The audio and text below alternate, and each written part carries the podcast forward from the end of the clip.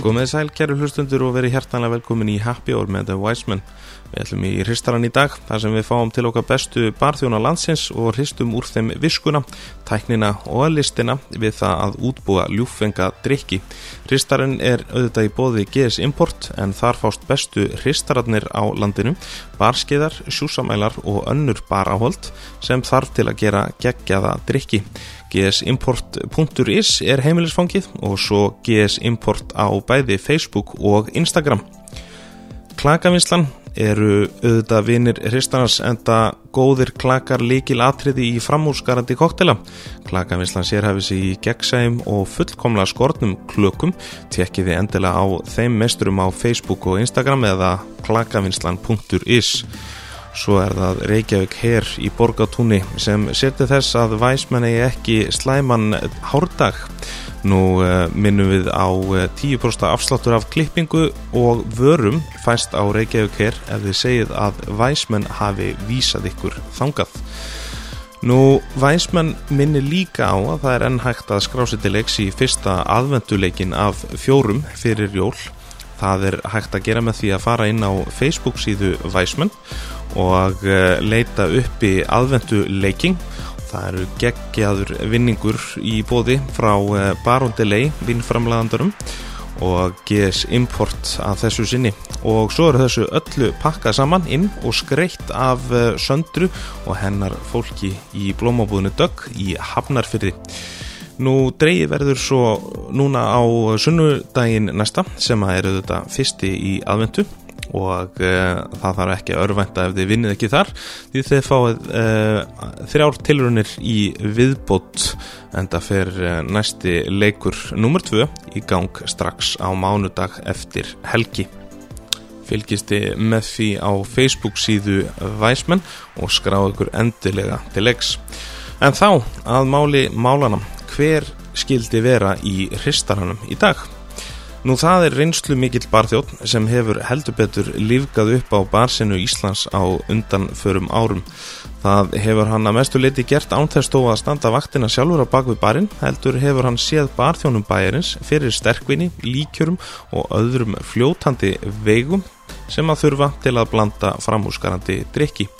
Undarfæran ár hefur hann einnig stækkað tengla- tengslanetti sitt verulega út fyrir landsteinana vegna vinnu sinnar þar sem hann starfar í dag sem brand ambassador fyrir Workclass á Íslandi og þar á ekki við um líkamsræktina góðu heldur uh, er Workclass innan veggja ölgerðarinnar að hann má sami segja að hann gegni talsvert stærra hlutverki. Í gestum minn er án efa einn af grunnstóðum íslensku barsinnar í dag og það miklu leiti fyrir að vera aðal drivkraftur vörglaskeppnurinnar sem hefur eh, hækkað standardin hér gríðanlega eh, síðan hún byrjaði 2016 en keppnin á heimsvísu er með þeim virtustu og stærstu sem haldin er á ári hverju. Hann er yfirleitt maðurinn á bakvið tjöldin, gæinn sem gerir alla hina enn betri og því miður fá einstaklingar eins og hann ekki alltaf flottustu fyrir sagninnar þrátt fyrir erfiðis vinnu.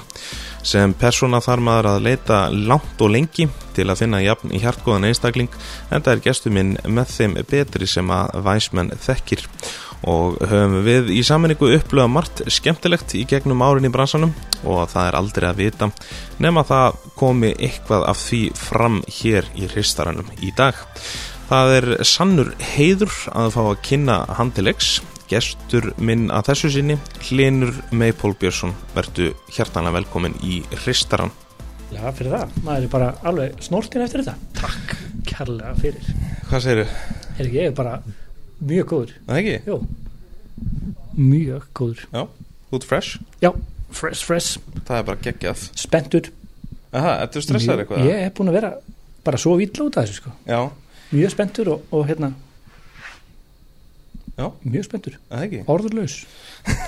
Sem er Ég ekki ætla- gott núna, sko. Nei, ég held að við þurfum að breyta því eitthvað Já, klálega. uh, Reynum það uh, Við viljum að byrja sem sagt á og fara yfir viðanvöll uh, í þessum þætti og eins og í, uh, kom fram í intrónu sem ég eitti svona þremur og halvum klukkutíma í að, að búa til að uh, þá hérna, hefur þú undanfærin ár verið mikið í því að sjá til þess að svona aðrir barþjónar öðlust frama og virðingu innan barsinnar uh, þess vegna sko snýst þátturinn í dag aldrei svo vant, alfarið um þig Vá, gegja og mér langar nefnilega að fólk uh, fái svona aðeins að kynnast þér betur og skilja aðeins svona hvað uh, þú stendur fyrir og, og hvað þú hefur gert fyrir bar heimin á, á Íslandi hvernig ljóma það ekki ágætlega? Jú, reynum að, reynum að kljúfa það atom Já, nákvæmlega.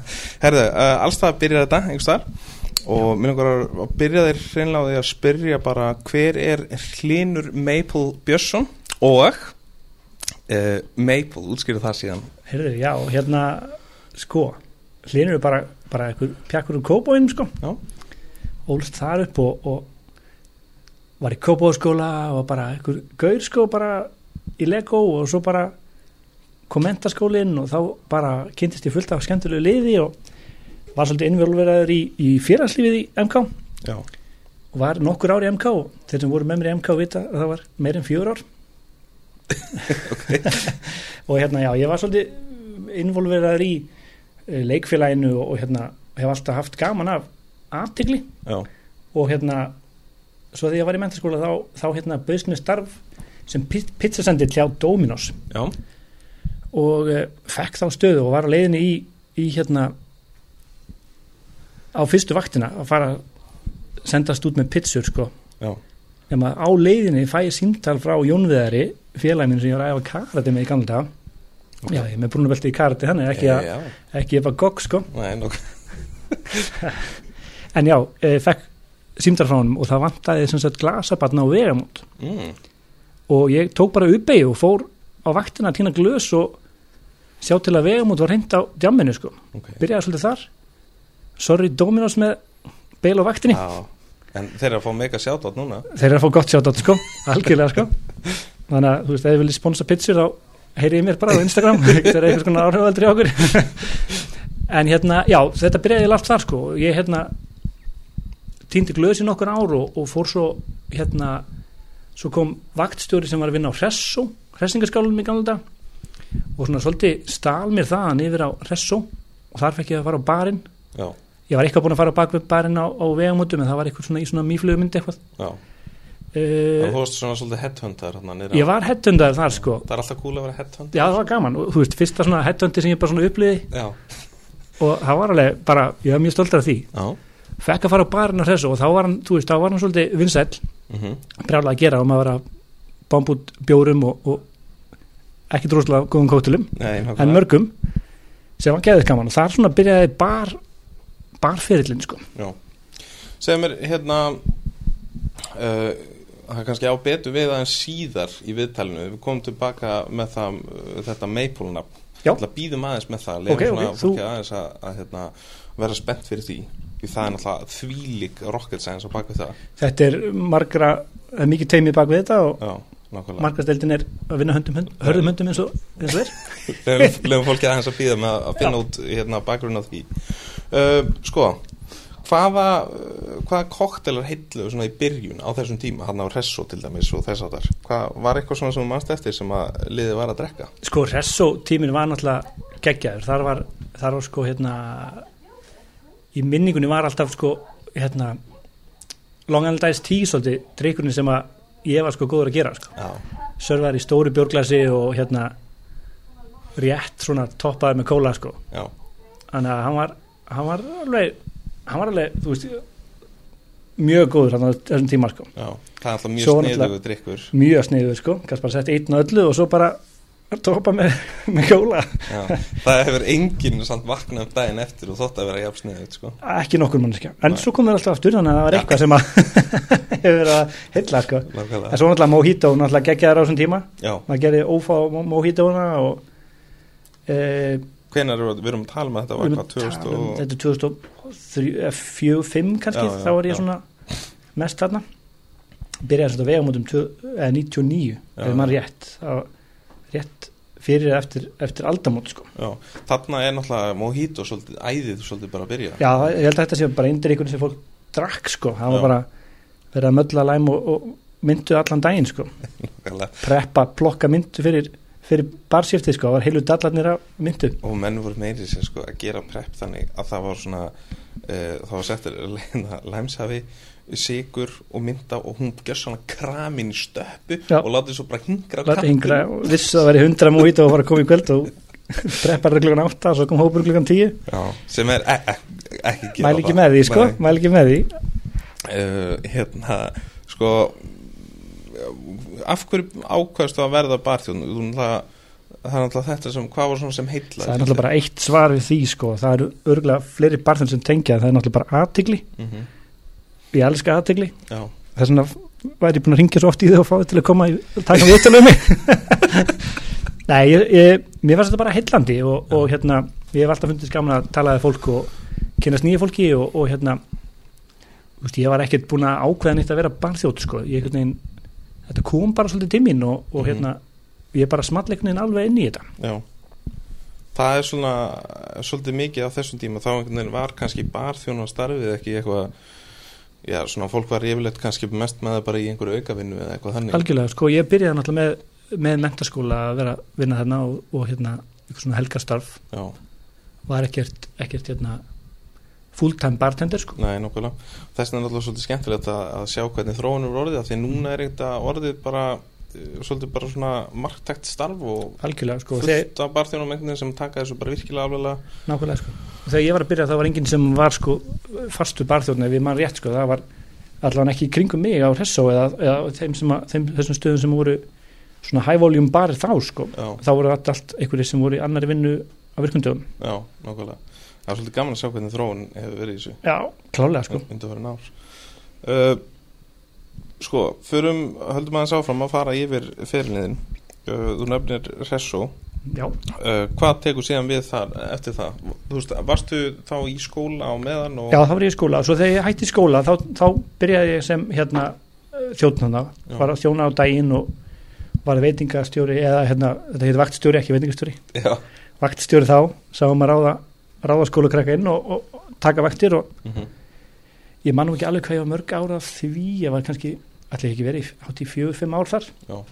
sem, sem vaktstjóri mhm, og fannst það gegn gaman sko bara sjúklega skemmtilegt og, og kynntist fullt af frábæru fólki þar sko þannig að þú hefur svona svolítið fundið í svona smá treyning hlutverki í raun bara frá því fyrir lengur séðan Já, eiginlega sko, mér mér hefur alltaf fundið skaman að svona Miðla leiðbeina og eða þú veist svona gefa ráð, Já. alls saman hvort að fólk hlusta á mig eða ekki, það er ég vil ekki alltaf þannig sko, Nei, nákvæmlega, nákvæmlega. Uh, og hvað tekur síðan við uh, eftir, eftir Hersó?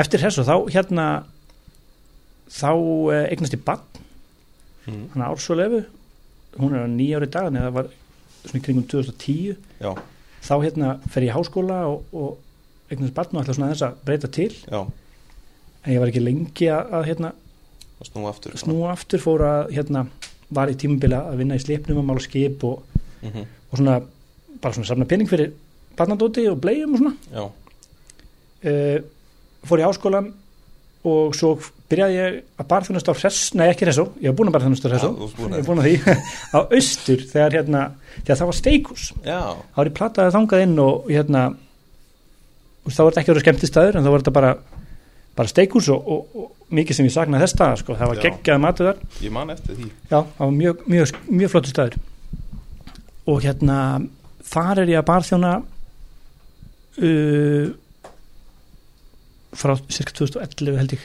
Já, 10-11 og það er svona bara helga vinna og, og svo verður þetta skemmtistaður og þá breytir svolítið, svolítið hugafærin alltaf á staðnum og verður svona meira high volume og party og, já, og ég einhvern veginn held samt áfram þarna og verður vaktstjóri þar í nokkur ár já, og ég man ekki alveg hvað ég var lengi þar ég er ekki trúslega góður að muna tímasetningar sko. skiptir svo mikið. Nei, ég var, var nokkur ára það samt í, í djamminu og, og það var náttúrulega bara vinsælisti dagur landsins og brjálæslega mikið gaman að gera og, og hérna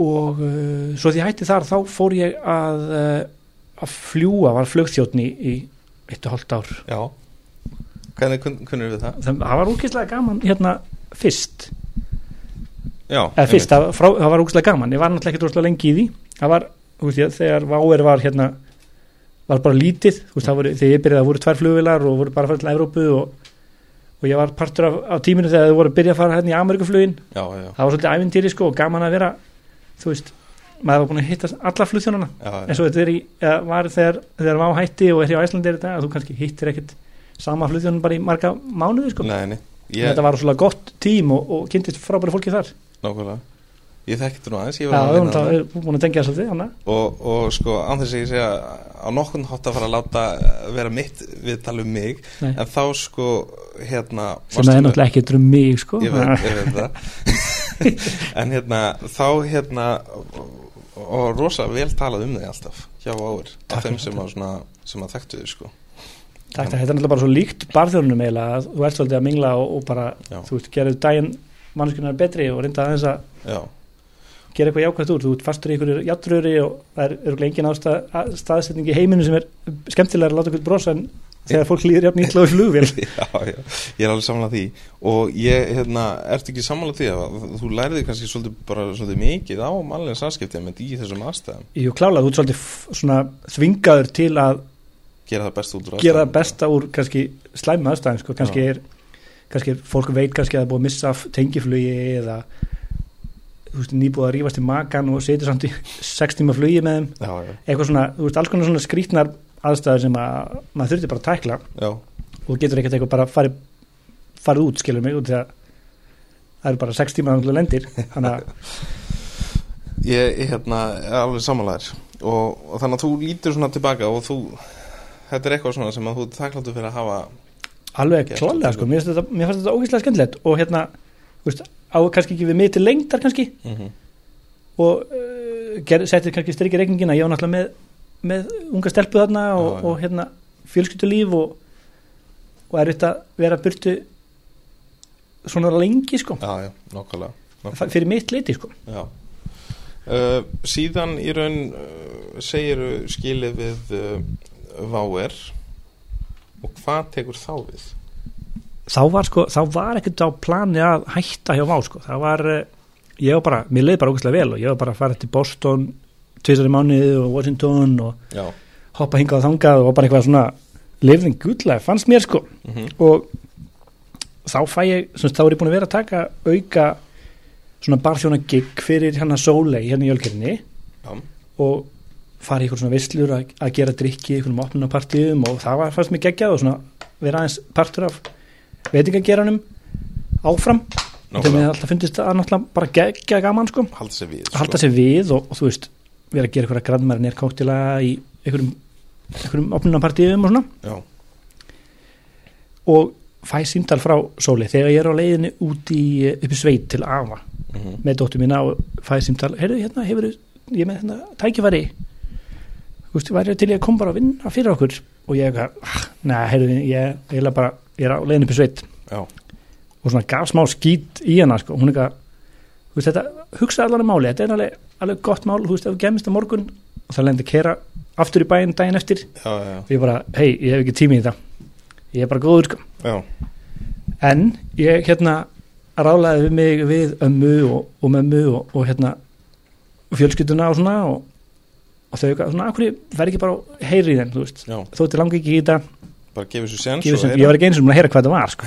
Já, meira. ég var bara, nei, strax sko e, og þar þar hérna mætti ég hérna og, og rætti við nokkra, nokkra starfsmennalgerinnar og, og hérna þau svona útskýri fyrir mér hvað hvað þetta eh, hérna fól í sér já, og ég var alveg bara hérna þetta hljómarindur alveg geðvikingslega næs mm -hmm. fækt má tíma til að hugsa þetta og svo bara hérna fór ég einhverja nokkra fundi og, og hérna ákvað bara að skella mér á þetta þetta er náttúrulega þægileg tími að vinna sko, þú veist, 9-5 og já, engar helgar, eða þú veist, oftast ekki helgar, já, já, helgarvinnur en hérna ég ákvað bara að skella mér á þetta og var þá ráðin sem, sem brandambassadör fyrir World Class og hérna reserve portfóliuna hjá Ölgerinni sem að við ætlum að fara síðan aðeins uh, betur uh, yfir hérna aðeins síðar Kekja? uh, hvað svona felst það, eh, ef við getum svo sem kannski bara farið í það núna er, í- er í surf portfóljóð uh, þá erum náttúrulega að tala um, um vöru sem að koma frá hinnum stóra framleiðanda Diageo Já, nákvæmlega og ehm, uh, kallast er í surf Já. Hvað getur við sagt meira um þetta? Herru, Reserve er svona high-end hlutin af portfólíunni þeirra Já, það er sem sagt Tangari 10, Don Julio Bullet, Kettle One þú veist þetta svona premium línan mm -hmm. sem að hérna saman eru að halda vörglaskeppnina þessi vörum ekki skilur mig og þannig ég er svona held utanum þau með, með Sóley, hún er brand manager og ég er svona brand ambassador Já. og hérna uh, já þetta er svona svolítið parturinn og Ísland er náttúrulega kannski svolítið einstakt já, með öll þessi önnur lönd, þetta eru þú veist 56 lönd cirka sem er að halda keppnina og það lendir 56 starfsmenn í sömu stöð og ég já, í öðru löndum sem, eru að, hérna, sem ég hitti reglulega og það er alltaf gaman að, að tala við þau og maður spyrir "Eh, hvað ert þú búin að vera að gera og það var alltaf, já, hérna, ég og teimi mitt hérna, við erum 12 manns, já, bara sjáum reserve og hérna, þú veist gerir þetta og þetta og maður er eitthvað, úf, ok, sjá, bara dabba dú, sko já, ég er hérna eini brandabasturinn og, og ég er með hérna brandmanager og svo erum við bara hérna tvö í þessu, já, þau bara what? Já og við sjáum líkum kór sem er sem sagt Smirnoff og Baileys og, og Gordons, já, já, hinn verum ekki sem að, sem að Diageo á já, og við erum náttúrulega að sjá um það líka þannig við erum svona, svona álmúltig menn, við erum svona, svona húsverður, já, já, sérum allt saman sem bara geggja gaman sko já, en það er alltaf gaman hvað Íslandi lítið og, og skemmtilegt og það, það hefur líka mjög marga jákvæða parta líka sko algjörlega og það einhvern veginn er samt á þetta svo, við erum alltaf svo góð í því einhvern veginn svolítið að að múltitaska og gera svona besta úr því sem við höfum Nákvæmlega sko við erum alltaf, þú þú ert nú að tala um markaði þá kannski bara eins og já, hvað er að segja, Bandaríkin eða Breitland eða Já, eitthvað sem nákvæmlega. bara- Frakland og, og þessi Norrlöndi líka Danmark og Noregi Já, sko, já. þetta er allt lönd sem eru svolítið, svolítið stærri Já, löndið sem tala í hektolítrum og meðan Já. við tölum í lítrum Já, nákvæmlega Það er svolítið skemmtilegt Hérna, öllum að brjóta þetta aðeins upp Kom betra að þessu núna Vantar svona hljóðu effekta Settur það inn á eftir kannski Já, við hendum því Æi. öllu, jú Kekja Hérna, Til það- eitthvað svona sprengið eða eitthvað svona Já, hérna, akkurat á þessum tíma Ekki. Brjóðum þetta aðeins upp Þetta er góður bútur Ekki. Já, klálega Herðu, hérna, öllum að fara í svona uppahalds uh, lið Ok, sem að, hérna, er hérna í, í hristaranum um, Fyrsta spurning, Hlinur, er svo Hver er þinn uppáhalds koktill? uppáhalds koktill er Paloma Já, eh, En þetta samt Þetta breytist smá ok Ég er núna svolítið Paloma uh, Feysi núna, mm búin að vera í smá tíma Þannig ég verði eiginlega að segja Paloma Er þetta ástíðabundið? Nei, bara svona hvernig líður á mér, liggur á mér sko Já. Þetta er, ég veit ekki, stundu breytist allt hérna bara, Ok, kannski er það bara því að hann er ógustlega vinsall núna já, og já, hefur verið að vinna mikið með hann og bara þú ert svolítið drekka á hann ógustlega mikið Þannig að þú ert svona á Paloma línu Ég er að sko, palóma línunni Já. svolítið Og svo náttúrulega er nóbrinnir að þið finnst negróni góður og Já, já, já, algjörlega sko, Negroni er alltaf klassískur sko og, Já. og hérna Ég fer að taka hann út úr þessari spurningu Já, já, ég hugsa, ég se- satt að segja, hugsaði Negroni fyrst sko já.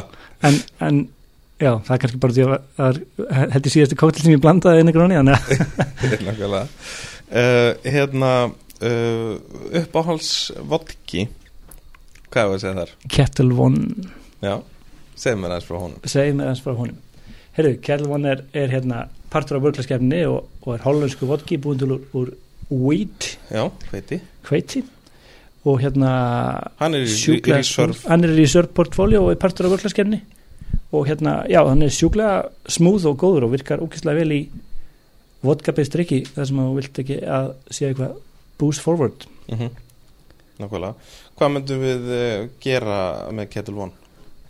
Ef bara, ég ef ekki bara selja hann selja vel á hann Nei, Ok, en hvernig er það þeir Sko, sem kaupa hann? þeir sem að kaupa hann, að gera- þeir geta gert alls konar ég elska hann í Espresso Martini Já, uh, hann hefur svolítið verið kynntur þar hann hefur svolítið verið kynntu þá og er svolítið að vinna með eh, hérna, Espresso Martini og Bloody Mary mm -hmm, sem er geggjað sko mm oft þú fær Bloody Mary þá á það til að vera svolítið svona finnast smá spýra bara að hann Já ef þú setur ekki nú tabasco í hann Eigum við ekki ógeðslega mikið inni þegar kemur að Bloody Mary á Íslandi? klálega sko klálega, við erum með þessi fínu gróður sem er rekt að geggja tómata og, og hérna þú veist, geggja bræðmikla og frábæra tómata sem við ættum að nýta meira í Bloody Mary Mm -hmm. Bloody Mary geggjaða drikkur þú veist, og ekki bara á sundarsmótnum þegar þetta detti brönds og staðurinn er að bjóða upp á ókipis blöndumæri með eggjónum þínum já, þannig að mér finnst klálega að það eigum við alveg fullt að púður inni sko. já, nákvæmlega uh, Mér erst, sko ég talaði við góðan mann hérna um daginn, uh, Pekka Pellinen Já.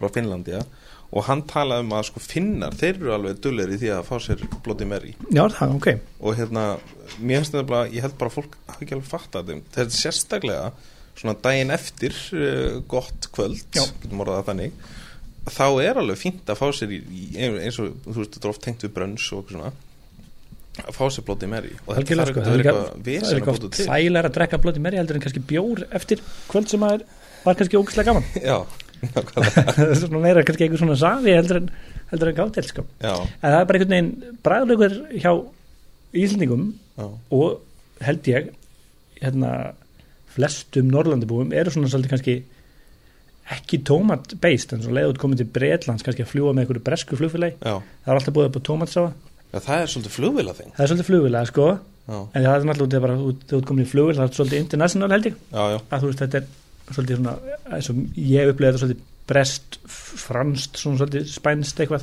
og eigum að fara út í amerísku blöndunar eða já, eða það sko, það er náttúrulega sér þjóðflokkur sko, það er líka bara tíbónsteik sem kemur í, í, í skreitingu þar nákvæmlega sko þannig er kannski gallon glas og eitthvað svona rugg sex, sex humra og já, já, ég er undir aldrei smakka svona risa blöndi mér, ég væri að geða til í það já, já, en að, þú veist, þá er lukki Já. geggjæðir og Amerikunum finnst þetta eitthvað cool og eitthvað svona upp að bræði, þá er þetta kannski ekki alveg máli, sko. næ, ég hugsa ekki sko, maður er líka ekki að panta drikk út frá því hvort þú sétt svangur eða ekki sko Nei, nákvæmlega. Uh, já, þannig að þetta er klálega eitthvað svona sem að uh, mér finnst að, að hérna, Íslendingar ætti að skoða hans betur. Algjörlega, ég, ég held að við getum gert fullt af hlutum og það er einhverjir veitingamenn sem hafa einhvern smá áhuga á þessu að Já. mæli ég með að kýla á þetta og, og hérna, gera eitthvað geggjað sko, Já, og nota Ketil Vonjafell. nota kettil vona og gera eitthvað. Já. Herðu, ok, ef að færa ykkur yfir í gín, Gín, já, ok, hvernig líst þér að það? mér er stjála það. Ok, ertu gínmaður? Uh, já, er ekki allir gínmenn sko, Ég held að. ég held að gín er svolítið trending sko. Já, finnst þér að vera, þú veist, svona á einhverju rosaflugi eða finnst þér að vera svona stetti flugi eða, Það er á rosa flýi sko, það er bara, og líka gaman að sjá hvað fólk er að pröfa ný gín og, og hérna, og smakka, þú veist, pröfa gin koktela og ekki bara alltaf blanda í sama tónikið þitt og já, já, já, vel íslenskinn og, íslensk gin og já, frábært að sjá fullt af íslenskum ginum sem gera geggja hluti og, og hérna, þú veist, líka bara samlega þessu er tónikmarkaðurinn náttúrulega að blómstra geðveikt, sko. já, Gaman að sjá fullt af nýjum brað, braðbættum tónikum og, og nýjum ferskum tónikum og góðum Mhm. tónikum bara, þetta er að vera markaður sem er þú getur fengið nánast allt sem þið langar í hérna heima, sko. já, Og það er ekkert alveg sjálfsagt með, með spýra sko. nei, algjörlega sko. Möndum við segja, getur ekki svolítið sagt að, að, að gin og tónik hafi einmitt verið svolítið, eh, hérna, kveikina því að, að uh, þessi gin, aukning, aukning á gini hafi, hafi byrjað. að- Jú, klálega sko, ég held að það hefur líka verið það gin tónik er, þú veist, það er þægilegt að sörfan og þú þarft ekki að þarft Hrista ekki að eða- hrista eða þú veist, það getur hver sem er gert bara góðan gin og tónik, bara að þú notar góð ráfni þá er þetta mjög góð drikkur sko. Nákvæmlega, talandi um, um, um þetta mitt, ég er mér svolítið skemmtilega þegar ég sko, fyrir ákveðum mánu síðan þá var alltaf bara eh, eiginlega kannski svolítið svona ríkiskinn til það var ekkit fórum mikið á markanum voru kannski bara þrjú gin eða eitthvað og Já. þú veist bara að setja það við það og eitt tónik svo fórum menn að spá, þú veist, líta aðeins út fyrir kassan og, og skoða nýkinn og þá fóttu þeir að "Eh, við erum eitthvað að skoða tónikið og þá fóru þeir náttúrulega að skoða tónikið og síðan ég raun og veru, erum við farin að taka þetta ennþá lengra og skoða hvernig klaka er best að nákvæmlega sko, hvernig garnis og garlis nákvæmlega, ég ætla að segja það það er hérna, þú veist, allt svona skiptir svo miklu máli líka bara að þú ert með eitthvað góða lykt, þú veist, skreitið með, með rósmarín eða appelsinu sneið eða appelsinu eða eitthvað sem að sem að komplementa geninu kannski eða gefur eitthvað svona smá öðruvísi upplifun, Já. eins og bastard er að gera geggjaða hluti með genseðlinn sinn já, þeir eru með fullt að genum pöruðu með búin að, hérna, búin að eh, setja upp búin að, þeirra recommendation mm -hmm. það er, ef þú hefur áhuga gen mælið að kíkja þangað og fá þér gen og tónik shout out bastard, geggjaða stöf mhm. ok, það er mjög cool það er mjög gaman og, og það eru líka með mismöndi tónik og mismöndi skrifningar og gen og Já. allt sko. það er ógislega gúl uh, og svo náttúrulega erum við svolítið bara hreinlega kannski komin í það núna að, að vera búin að skoða hvernig klakar er best að nota í þetta og sjátt átt klakavinslan Og við meðum ekki of sjátt á þetta en klálega sjátt á þetta klakavinsla það Já. er ekki ekki að hluti uh, en svo erum við náttúrulega svolítið farin að pæla í bara í hvað erum við að setja þetta sko. Já, og nákvæmlega glösin skiptir líka, þetta skiptir allt máli sko. Já. líka, þú veist, við getum alveg farið í bara ljósin sem þú ert að drekka við sko, og hvernig kertast ég að gera þarna á borðinu sko. Já, og Þetta er allt- stóllinn snýst allt um sem þú upplifun situr og- í, já. það snýst alltaf með upplöðun Já, og heldarupplöðun skiptir máli Attention to details is the key og ég meina svona þessi stóru belgmiklu uh, glös sem Já. er á fæti og svona Já. ég meina eins og í, í hérna uh, á Spánið þar er náttúrulega það aðaldæmið algjörlega, sko, það er þá er þetta bara með fullt glasa klökum og dreikurinn alltaf ískaldur og Já, við veist það geggjur glös að servi, sko já, nákvæmlega uh, Gin kokteilar, yes. við erum nú búin að að tala um hérna kannski þann vinsalast að þó að það sé nú deilt um hvort það sé kokteil eða hvort það sé drikkur, gin og tóník er ekki drikkið kóttelar, kóttelar ég veit það ekki ekki Æ, þú veist, þetta fyrir alltaf eftir ég ætla að nota einhver eldgamla formúlu en Já, það já. þá líka að vera bitter sko. Já, það var Þannig- reyndar ekki að geta, sko, já En hérna, jú, ég myndi segja það Gin og tónik myndi flokkst undir koktil Já, klálega, mér finnst það, mér finnst það bara Borlíkjandi borðurliggjandi Já, ok, ef fleiri gin koktilar Sko ég er alltaf búin að vera ógisla hrifin af hérna bísnýs Já, það er búin að vera myndir ykkur bara frá því að frá því að ég var að vinna kól í gamla dagann mm og hérna já, var þar í tvö ár, ég man ekki hvort ég sagði það á hann Nei. stifti ég því ekki, jú, ég held það ég var að vinna þá Já. á kól, barþjóðnar, Það náttúrulega eru geggjaði drikkir það eru geggjaðir ekki og það lærði ég alveg helling sko, það var geðiskaman en já, þar kynntist ég svolítið bísnýs og, og hann er búin að vera í upphaldi bara frá því þá sko, Já, þar eru við með gin hunang og, og lemon, Já, limonu ég myndi, sko, þú veist, það þarf ekkit yfirleitt að, ekkit yfirleitt það þarf ekkit að flækja þessu lutin alls ekki, það er bara líka óþarið að flækja einhverja hluti sem eru geggjaði sko Já, finnst mér sko, þetta er bara ógæslega basic dreikur sem að allir geta gert þú getur Já. keft þér gen og, og nei, getur keypt- þú getur ekki keft þér gen í hagkaup þú getur keft þér hugnang og sýturinn í hagkaup og nota genið stórt í skapnum sem er vantilega tangrei já Ah, ah, nákvæmlega já. og hérna, já, hristi þetta saman þetta er bara einn og hálfur gen einfaldur af hunangi og einfaldur af sýturinu Já. sjúklega sætur og, og, og súr gott til Uh, Hendum í í uppskriftina á væsmenn.is já, ekki þetta, Það ekki? klálega Uh, ok, við viljum að fara yfir í rom Ertu rom maður? já, ég er mjög gaman af alls konar rómum sko Já, ég hef ekki sö- sö- sökt mér mjög djúpt í rómið sko nei, en, eh, en gott rom er mjög gott sko ok gaman að smakka fullt af nýjum skrýtnum romum að koma og Finnst þér vera hérna uh, hvað ég segja aukning í, í bara rom neyslu, mér er svo neysla svo leðilegt orð, consumption Þú consumption, veist, já, neist, áhuga, þetta er, já, tökum bara um áhuga, áhuga, er, ég meiri fíla. rom áhugi já, ég held að sé rom áhugi sko, það er náttúrulega rom er rosa trendi úti, Já, finnst manni sko og það eru ki- að koma ná- margir rombarir og, og hérna það mætti þetta alveg vera meira rommi mm, þú veist til sölu einn heima sko já, og já, það vantar alveg kýbrand hérna sem að kýbrund mhm inn á milli svona til að gera, gera heilt romportfóljó eða ætlar að fara all in í rom, Já. rombar sko. Nákvæmlega. Og sko þá erum við kannski auðvelt að, að hérna, fara að tala um tíkidrykki til Já. dæmis. algjörlega, Uh, það er einhvern veginn, við höfum verið svona, finnst mér að dífa tánum í það. Hérna, já rétt svona aðeins svona að byrja að þefa þessu sko, Já. Uh, það er frábært rón sko, það er geggjað og þú veist, ég meina, rom, uh, það er, það er til svo mikið að skemmtilegum hlutum annars sko. klálega sko Uh, það er einn svona pæning sem ég er að spá, finnst þeir að, að því að konjak hefur verið svona svolítið drykkið eh, bara svona nýtt, kannski eftir mat og Já, eitthvað já. þess að það er rom svolítið að vinna á að, svona konjaksneitandan? ég held það sko, þessi yngri yngri konjaks áhugamenn er svolítið farnir að kannski pröfa rom í staðin fyrir konjak Já, nákvæmlega, fara fyrir eitthvað í rommi heldur en viski sko já. geta alveg verið sko, Þetta er, þetta er spennandi. það er alveg góð pæling sko Já.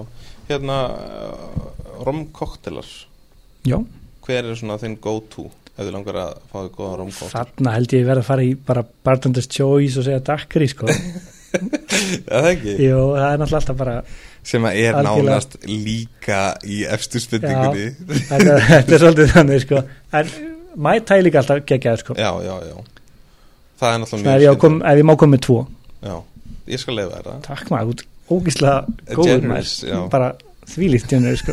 takk, en þú veist, einmitt dækir í talandi um að geta gert hlutina þeirra easy og auðvölda og, algjörlega, og, og, ógeðslega og góða. bombaði mút bara já, ég er svolítið hrifin að þessu svona less is more, einfalt, takkir í business já.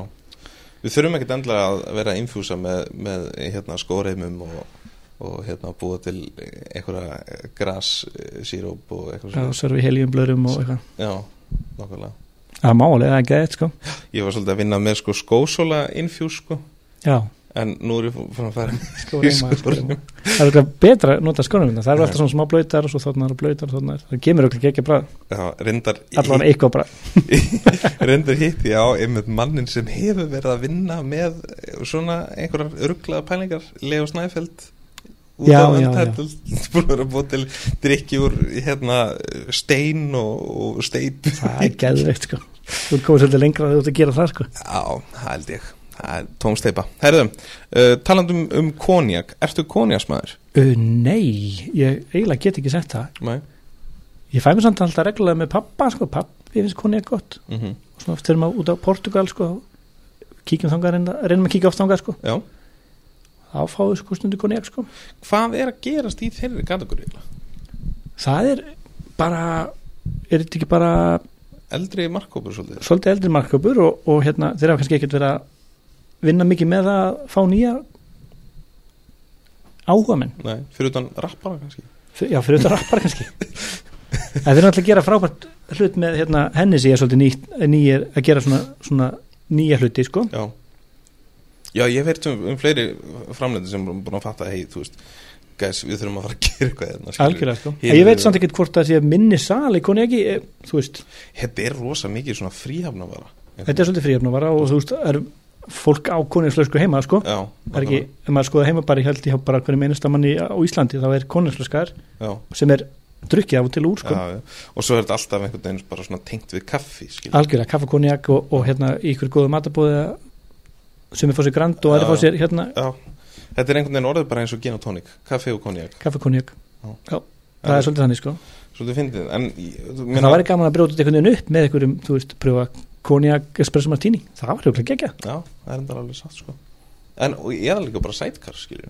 eða sætkar nákvæmlega, nákvæmlega, það er nákvæmlega bara fullkomið, þá ertu komin svolítið frúti sko, Nákvæmlega Þetta er uh, skemmtileg pæling um, Þannig erum við búin að nefna náttúrulega konið að skoktela Þannig að ef við Búm. ekki bara fara beint yfir í uh, tequila Já. Þú náttúrulega ert ekkert sérstaklega hrifin að tequila nei, ég hata tequila nei, nei, alls ekki, alls ekki tequila er gegja sko Já, og það er f- frábæra hlutir að gerast í tequila bransanum er það ekki? Jú. Er það svona mest uppræsing, mest svona Erum við á mestu fluginu þar?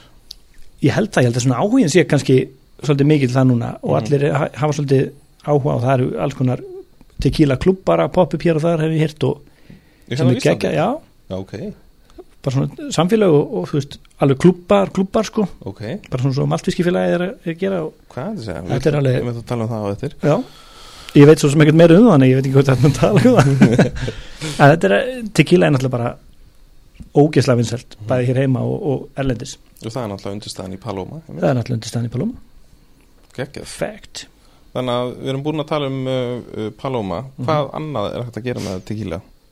það er náttúrulega bara að kaupa sér geggja tequila og drekka á klaka, það er geðið Já, verður bara með einhvern repasado já, Bara svona aðeins repasado repasado og, og hérna svona tequila sem er búin að eldast á tunnu Já, einmitt ég fæ mér oft bara Don Julio Reposado og tvo klaka og sötra eins og, eins og viski sko Já, nákvæmlega ekki oft, ég get ekki sagt oft en ég hef fengið mér að nokkuð sér Já, ég þykir það gott, þá er það stundir þegar já, færi algjörlega. gefst til að, að Já. gera það setast niður og njóta og Já, ég er bara að kveika kertaljósi kveikja á tveim kertum og Já, nákvæmlega horfa Eh, á romantíka gammynd Já, já, nákvæmlega Whatever floats your boat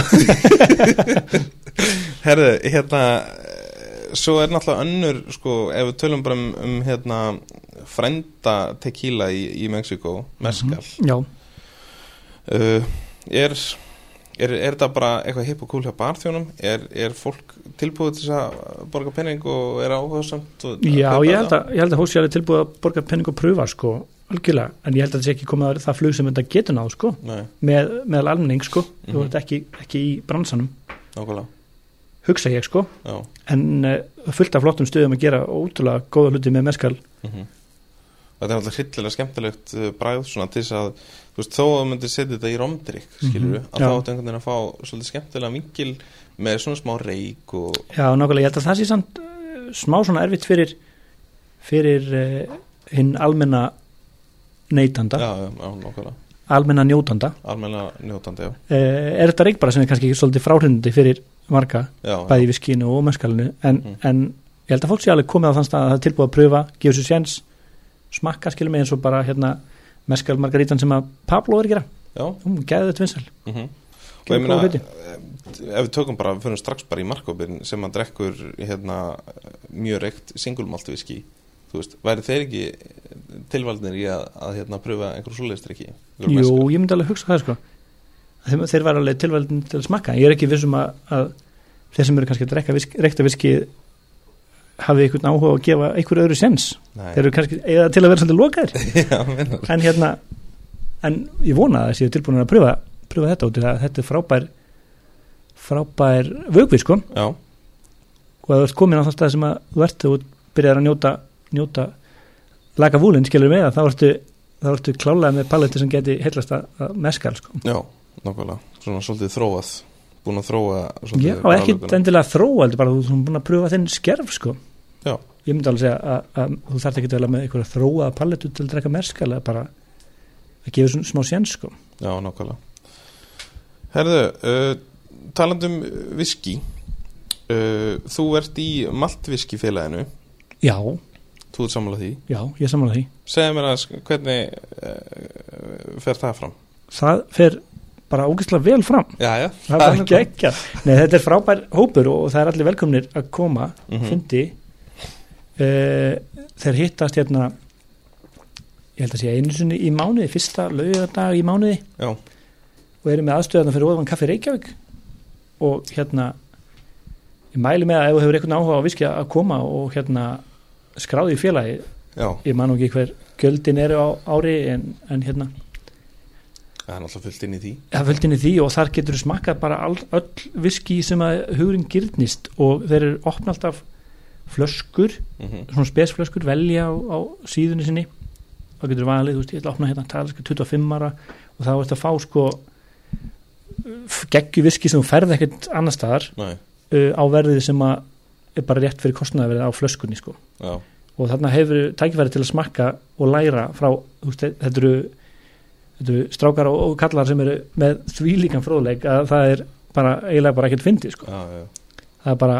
þú getur ef þú mætir hérna bara eins og svampur þá Já. getur þú bara orðið stútfullur eftir smá sko. já, ok Það er geggjað þetta er geggjað og ég er ekki nógu dullur að mæta Nei, ég skal við ekki hann það, já, en ég ætla að taka mig á og, og, hérna, og þetta er frábær félagskapur og mæli með þessu sko. Já, uh, hérna, það er náttúrulega líka að sjá aðeins um starfsemi uh, Maltvískifélagsins uh, eða svona mikið starfsemi en bara að það er að tjekka þeim á, á Facebook já, og Facebook, nákvæmlega, nákvæmlega og svo er hérna, svo er komið annað maltfiskifélag á Norðurlandi Já, ok, okay. Snorri Guðmunds er hérna svona einna fors, forsbrökkum já, og þeir eru gríðarlega duglegir líka á Facebook ok þannig að þú átt heima fyrir norðan að tjekka á þeim, þeir hittast reglulega og geggjaðu matur sem þeir bjóðu alltaf upp á og fyrir fund og Já, ok, sjúklega homi sko, ég er búin að kíkja þarna á tvo fundi til þeirra og það er bara ógislega gaman já, snild um, Sko, förum víski er náttúrulega svo hrikalega stór kategóri sko. Já, hún er aðeins stór sko Byrjum á bara uh, skottsblend Já. En að byrjum á skotts uh, singulmalt mm og þaðan fyrir yfir í blended Ok, hvað hérna, þú, þú ert fyrir alls konar viski algjörlega og viski er, þú veist, þú getur spurt mig klukkan fjögur hvað er uppáhaldsviski mitt og hvað er uppáhaldsviski mitt klukkan sex sko. Já, Það er meinar. alveg- Hérna, já, ég er mikill viski kall sko og hef ógislega mikið náhuga á þessu mm -hmm. og hérna, ég er búin að gleyma spurningunni henni já, varstu að spyrja mig akkur ég já, ég var bara, bara að spyrja hvort Bara- þú, þú já, já. fílar alls konar já, veislu algjörlega, a- algjörlega og svo sko. svarar því líka að þú gerir það já, ok, cool, cool, það er ég að gera ég er samt með vel í þessu ekki, já, mjög vel cool Gott. hvað hérna í singulmaldi Já. uh, hvað er svona í uppáldið þér sko uh, það er alltaf fer algjörlega eftir stemmingu eins og ég segi en ef ég þyrfti að velja eitt mm þá myndi ég öruglega velja taliska tíjára já, uh, bara til að það er þú veist það er bæði svolítið smóki og svo, svo mikið floral body í því líka ok uh,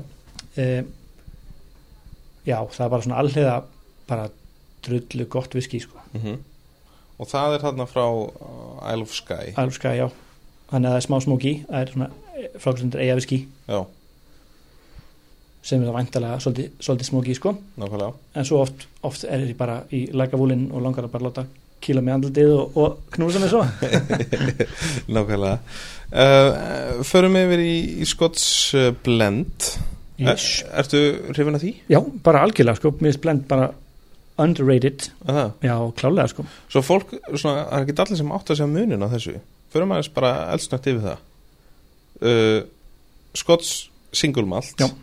Uh, þá erum við náttúrulega bara að tala um eina eitt distilleri nákvæmlega frá hérna þannig að þú veist bara singleton distillerið gerir bara sitt viski mm og það má ekkert heyra í talisker og fá lánaða tunnu sko Nei, það var það var alveg blend sko já, en semst, blended whisky það má kaupa eða fá whisky frá, frá hérna öðrum distilleríum eins og til dæmis hérna Johnny Walker, þú veist það er með næstu í 40 tegundir af whisky í nákvæmlega blendinu sínu þannig að ég geta fengið alls konar tóna eru með smoky tóna frá Kalela og svo notaði mikið að e, glenlik og alls konar glenlik sig og hérna þú veist, Alls konar. 38 önnur skilur mig Já, já, já.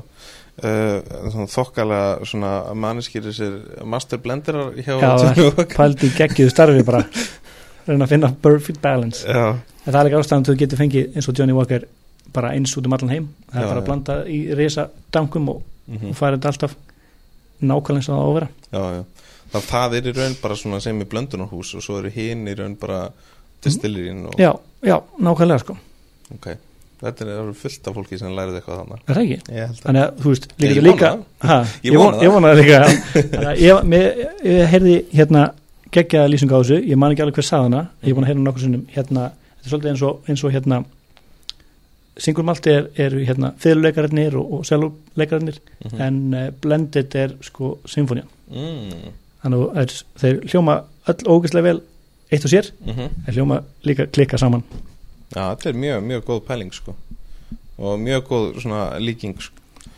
uh, Ef að fara ykkur til Ameríku Já. uh, Þar eru náttúrulega með búr, bourbon og, Já. og ræ Hvað hérna, ertu hrifin af uh, þess alltaf viskjum? já klálega sko, bara geðveitt Mm ég er bara, öll viski eru geggjuð sko Já, Nei, það er alveg- algjörð, það hefur bara sinn karakter skilum mig, það er bara Mhm. geggjað uh, Varandi koktelagerð úr viski Já. uh, Nú er náttúrulega viski sáir búið að eiga svakalegt rönn algjörlega, það er búið að vera svolítið hérna, gin og tónik bragur af því sko, Já, allir að panta viski, viski sáir sko, Já, það er einhvern veginn eins og fólk sé svolítið að, að stökkva og læra á viskivagnin bara út frá, út frá hérna viskisáur. já sem er frábært út af því að þú ert basically bara að gera viskið svolítið aðgengilegra sko, Já, já, já. þannig að og, og gaman að sjá líka hvað fólk er að pröfa viski sáir með mismöndi viski þú veist að setja jafnvel eitthvað smá smóki viski eða, Já, já, eða, já, nákvæmlega, eða bourbon eða, eða skott skilum mig, nákvæmlega. Herðu, uh, líkjörar, ertu hrifin að líkjörum? mér finnst góði líkjur að geggjaðir en mér finnst vondir líkjur alveg umulegir, Já, nákvæmlega. meikar að sensa Já, ég held ég skilja þetta. ekki Já. Hvað hérna? Nei, líkjörar eru bara af því góða sko Já, Þú veist, ef þú getur átt erfitt með að gera gott síróp og getur kifta mhm, og það er gott, skilum mig, Já. það er frábært Já. en ef þú getur gert betra heldur en sírópið, mhm, þá bara endilega gera það sko mhm, ok. Uh, einhverju svona ske skemmtilega líkjörar sem að eru góðir líkjörar, eins og um? talarum? Sko, hérna uh, Giffard er að gera geggjaða línu núna með hérna ananassíróp og hérna grapefruit síróp, Já, vanil síróp og hérna eitthvað fleiri mhm. það er að ég nota það mikið, mér finnst það geggja gott Já, uh, Bananar eru komin aftur og bananalíkjur líka Já. Þeir eru komin aftur bananarnir Já. Það er, við fagnum því og það er bara fullkomið í alls konar svona tiki þema og Já. skemmtilegt sko. Svona frútti og, Já. og tala ekki um svona í skamdeginu þegar okkur vantar sól í hjartað nákvæmlega, Það er ekki? hvað skjóta bananalíkjur Herðu, ok, hvað hérna, eru þín uppáhalds hráöfni? uppáhalds ráefni Já. er rosa spurning Já, já, og hún- hún krefst mjög fljótra svara Já, ég hef rababari Arababra Ég hef alltaf, alltaf, rababab. ég hef alltaf hérna, leita svolítið í rababaran Já. bara því ég hef aðganga á honum Já. þú veist, fresk, ferskum og hérna skemmtilegt að vinna með hann. Finnst þér ekki vannmetir hráöfni? klálega sko Já og margir með þetta heima hjá sér og út í gardi og, Já. og mm, kunna bara gera sultu kannski, eða jafnvel bara ekki Já, ég gerir vel ekkert sultu kannski bara, gerir ekki neitt gerir ekki neitt le- Já. heldur þessi bara blóm Já, mér finnst þetta svolítið svona að þetta glimtar hráfnið uh, Já, en það er að, er að lifna við þessu held ég ég held að, klálega ég held að eins, og, eins og svo mörgum svona ráfnum sem að við notum ekki alveg Nei, nákvæmlega Það, Þetta er náttúrulega eitthvað sem, að verður, sem fólk verður að skoða fyrir næsta sumar þegar uh, rababarinn fer að uh, uh, vakna til lífsins Klálega hmm. Einhver önnur hráfni? Tökum eitt í uppbót?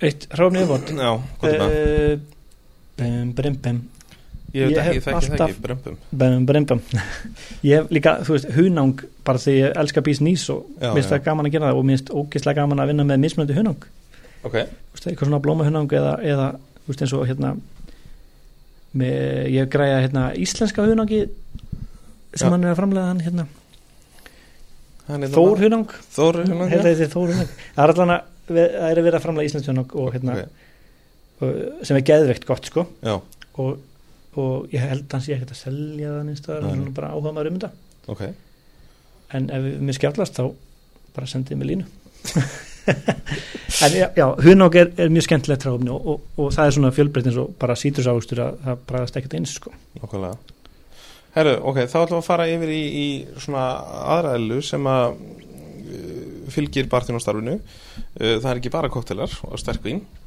Við viljum fara í bjór ok, Ertu, finnst þér bjór góður? það er svolítið eins og, eins og með líkjörn, góð bjór er mjög góður en vondur bjór er ógeðslega vondur Já, báka það mega sens Það er alveg- fact, Já, ég er, veist, mm. ég er alveg sammálaðir þar það er bara þannig ég held að sé flest sammála um að vond sé vond og gott er gott sko Já En svo En getur mér verið- finnst þetta svo mikið lýsandi verið líkjöra og, og bjór allavega Já, ég sammála því uh, Hvernig bjór ertu að vinna með? Ertu í lagar eða ertu uh, Svona- ég er sko mér finnst súrbjórar ógíslega spennandi og, og, og hérna og góðir Já, og ég reyna alltaf að smakka ef ég s- sé einhverja nýja súrbjóra það er mjög kannski út af að þeir eru líkir kóktelum skilur mig, eða eitthvað svo leiðis já, uh, en mér finnst lager bara ógíslega góður já Svolítið bara nútral kannski og einhvern veginn já, bara svona sem solid bara að- já, Svalandi svalandi já. já, það er flott orð að nota þarna Já. uh, Og svo er náttúrulega koma alls konar svona uh, skemmtilegt út frá hérna uh, svona þessari kraftbjórsinni sem er búin að vera og sömuleiðis kraftkoktelsinni já klálega og það er svona svolítið eins og þetta sé að mætast einhverstaðar því það er að koma rosa svolítið svona frútt í skemmtilegar útfæslur Nákvæmlega sko, algjörlega sko það er bara, þetta er að alveg að koma hjá okkur við erum að smetla í svona svipaðan gýr sem er svo gaman að, að ná að þegar ein sena hittir aðra senu og Já. þeir ná svona svolítið að kollaba og, og læra hvort á öðru sko Já, já, við erum ekki endilega að tala um að eitt læra hinnu heldur, heldur að það séu báður á sama leveli sko og geti tala saman í staðin fyrir að eitt sé bara að prýtsa yfir hinnum Nákvæmlega, og allir einhvern veginn, þú veist, ná að koma sínum fráðleika að og út verður bara einhver geggjuð varar. skilur. Nákvæmlega sko Hvað, hérna, hvað eigum við að nefna í svona skemmtilegum bjórum? uh, Þá svona kraft, kraftsinni bjóðum já, sko það eru svo gríðarlega mörg brukus að gera geggja hluti sko Já, ok. Ég ætla að nefna, ég ætla að fá þetta sem nefna þrjá svona sem að þið finnst að fólk þyrfi að smakka. uh, mér finnst ef við tökum jólabjór bara núna því ég smakkaði hann um daginn Mm og hérna þá er skýrjar mér alveg geggja góður Já, og hann er svona aðgengilegur súrbjór sem er bara drullu fín já, þrjábjóra já, já, já. okay. Eh, Einnig við bótt allavega. uh, ég er svolítið bara svona good light núna Já, ok. þar er ég svolítið bara Ég kalla henni að hugsa um samt, línan já, ekki maður ekki að reyna að hugsa eitthvað um þessar línu, Nákvæmlega. svo það verður ekki kúla Já, en hérna e, já, ég, ég einhvern veginn svona byrjaði að drekka good light og, og hérna, hann er bara ógeðslega góður Já. svo er ég náttúrulega ógeðslega, þú veist, brúta er að gera geggjaða hluti, já, hérna Elvis Djús til dæmis, ok. hjá þeim, hann er ógeðslega góður Það margt að gerast í, Já. í þessu. nákvæmlega, svo er líka bara gaman að fara eins á eins og skúla kraftbar eða, eða brúdang og, og Láta komið svo óvart. láta koma svo óvart jafnvel bara leifa barþjónunum að ráða eitthvað segja eitthvað, ég fíla þennan og þennan og getur mælt með ykkur, Já, fá bara svona surprise fara í eitthvað flæt og þú veist já. pröfu eitthvað nýtt, pröfu, panta eitthvað sem þú aldrei hirtum áður. Þannig að geggju þessu flight sem maður er komin. Já, nákvæmlega. Það er úslega gaman að þeim. Uh, það er þá s- smakkplatti. Já, kannski? smakk, já, smakkplati, já, algjörlega. Um, ok, rauðvin. Ertu rauðvinsmaður? Uh, já, Já. ég hef gaman að góður auðvinni. Ok. Hvernig rauðvin ertu aðalega fyrir? Uh, Gott rauðvin? væntanlega? Gott rauðvin, sko, já, mér finnst gott rauðvin, nei. nei, hérna, ég er svolítið mikið bara, hérna, Piccini með Moro er svolítið bara go to flaska mín, sko. Já, Uh, reyna alltaf að smakka ef ég finn eitthvað skemmtilegt, sko. ok. en uh, það er ekkert sem að ég er eitthvað þetta er flaskan sem ég verð að eiga fyrir utan pitsinni kannski með moró Nákvæmlega. eh, Þú fórst nú og heimsóttur á mér þess að? já ég var, þú veist hvað, eh, hérna, já, ég fór, fór út til Ítalíu og, og heimsættu það var geðveik upplöðin, Það ekki? gaman að og ég er náttúrulega að fara að heimsækja fullt af hérna, Sterkvins. sterkvinsbyrgjum sko Já. og þannig til stilur um, það var gaman að sjá sko vínegruna og hérna hvernig þið framlega vínið og, og, og svona hinpólin af, af þessu sko F- Fannst þér að fá einhvern svona smá eh, þú veist, ég einhvern veginn þegar ég fór að garfast í að taka hérna eh, viðtal við Sæfa Már í karflunu og þess að Já. það op- opnaði aftur einhvern veginn fyrir bara svona, vá, þetta er óslega skemmtilegur heimur Já, þetta er nefnilega drullu skemmtileg heim og mér langar að læra minn, miklu meira um þetta sko Já, og hérna bara klálega sko og það, þú veist, það er gaman að smakka við smökkuðum sko bara nýpressuð ber, já, svo smökkuðum við bara eftir fyrstu gerjun og aðra gerjun og svo, svo hérna held ég við smökkað sko þetta voru eitthvað frá 2013, já, 14, 15, 16, 17, 18 og 19 árgang af semst, sama víni ok já, sem var bara eitthvað next level og gaman að sjá munin á öllu og, já, af, af tunnunni hér og af tankinum hérna og það var svolítið upplöfun að smakka munin sko. já það er geggjað uh, Ef að fara yfir kvítvin, Já, drekkur þú kvítvin með humri með humri, já Finnst Ég þér er, ég, ég er ekkert mikill kvítinskall það- Nei, Mér finnst, þú veist, ég, ég fæ mér oft, oft kvítvín með sushi ok, það er alveg skemmtilegt, þá Já. er ég bara það sem er til á þeim sushi dag sem ég er já, já En þú ert ekkert búin að mynda einhverjum skoðun á einhverjum okkur þrúum eða eitthvað þessu Nei, ekki neitt sko Nei. ekki neitt uh, Nákvæmlega. Uh, Kampvæn, er eitthvað svoleiðis? Já þið er að fagna Finnst Ég var- þér að- finnst þér að vera svolítið svona fagnar? Uh, er það ekki svolítið, svolítið þemað yfir því sko Jú, ég held það. ég held ég hef aldrei kift með kampanjins sko Nei, nákvæmlega. Ég hef fengið það í, í, mata, í matapörun ekki eins og gjöf þannig Ég- að ég var að tala þess að vinni mína þú gefur mér ekki kampæn nákvæmlega. ég, er- ég, þú veist, það hefur verið keift fyrir mig kampæn og, og ég hef fengið það í matapörun við eitthvað svona sexrétta eða eitthvað svona fjáranetta Já, eh, og það minnst alltaf bara skemmtilegt sko. Já, já. og þetta er, þetta er svona skemmtilegt vín sko.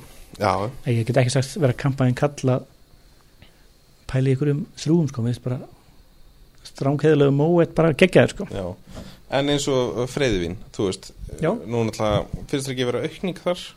Jú, það er klálega aukningu með hérna Apple Spritz æðinu sem er í gangi núna, eða í sumar og núna og, Já. og var vantanlega næsta sumar líka Nákvæmlega. þá er það alveg að booming sko Já.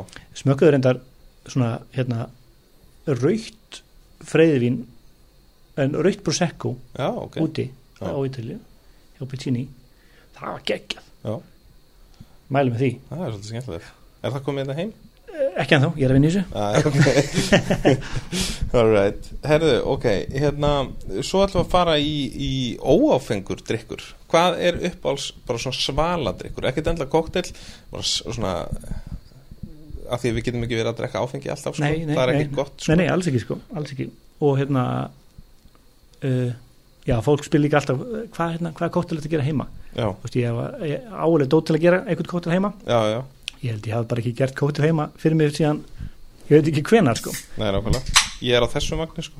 Já. Kol, kollabvagnin. Kólóvagnin, Þetta er gott, sko. nýi er góður sko Já.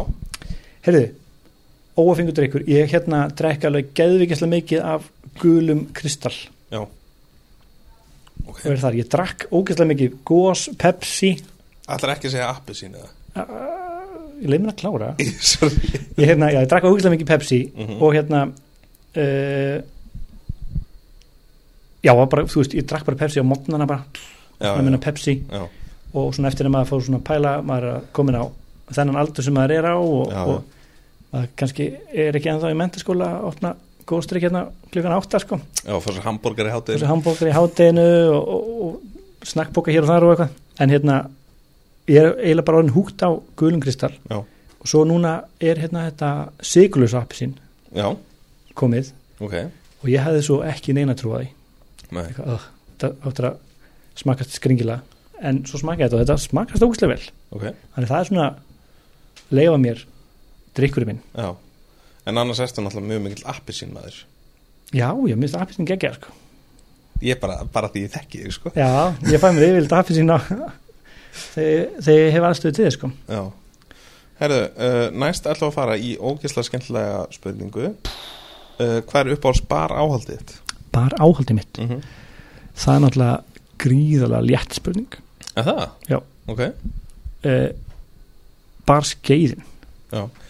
er vantilega eitthvað sem allir segja Nei. nei, ok, cool, Alls ekki. Og ég get alveg sagt þetta að þú ert fyrsti sem segir að þetta sé gríðilega létt spurning. er það? Það eru ótrúlega margir sem eru búin að vera bara, uh, hafa ekki hugmyndu hvað það er að já, segja, já, sko. já. já, ég skilði það sko, ég var, var bara átið með datt þetta fyrst í hug sko. Já, barskiðin, ok, hún er mjög Já. mikilvæg það er líka bara til, til svo margar og, og hérna og ég á margar þannig að það kannski hjálpar en er að svara bara gott, gott svar, við ætlum Já. ekki að dvelja þannig frekar við það uh, Barbækur, einhverjum svona sem þú mælu með uh, The Bar Book eftir Jeffrey Morganson mm -hmm. Morgan Teller Morgan Morgan Taylor já, það er svona bókið sem hjálpaði mér eiginlega hvað mest til að byrja ok, með svona overall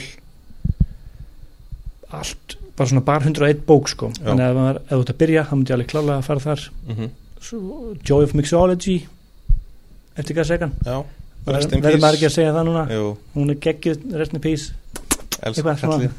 Elsku kallinn, komin að betri stað Já, eh, svo hérna Drunken Botanic, Botanist já hún er ógeðslega góð líka fyrir svona hráöfna partinn mm -hmm. það sem er bara, þú veist, uppfletti á hráöfni saga, þú veist bara, fer bara í epli og lestu bara um sögu epli og hvernig hún tengist bar, bar heiminum og Mhm. áfengi og annað sko mjög fróðlegt og, og, og þægileg svona uppfletti bók já já, svo á ég fullt af bókum sem ég á eftir að lesa Já, það ekki, Jó, eins og dró- bók sem heitir Punch Punch, já, ég á eftir að lesa hana já. Það er næsta bók, það er næsta bók, sko það þú ert að staðfesta hérna ég, núna. já, ég lofa, lofa Ég gaman um þess bók Herðu, einhverja hérna svona koktel eða drikja vefsíður sem hún skoður uh, já, ég, ég skoða þetta svona basic bara inbæn og inbæp Já, og hérna likor.com likor.com og þessi svona þú veist, káttil frétta veitur sko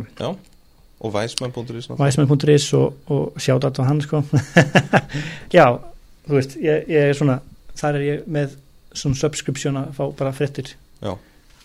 til mín sko Ok, að ég er ekkert mikið að surfa á þessum síðan ég svona fæ fréttablefin frá þeim og, og kíkja á til já, bara það sem að svona er áhugavert já, algjörlega sko Þannig að headline skiptir svolítið miklu máli þar já, öllu máli sko, öllu máli Ok, uh, Instagram, uh, skoður einhverjum svona skemmtilega sem þú fylgist með þar? Eh, ég eiginlega fylgist bara með öllum svolítið sko Já. ég er ég er kannski bara aðeins ofaktíður á Instagram Já það er kannski bara að hætta því bara Nei, nei, nei.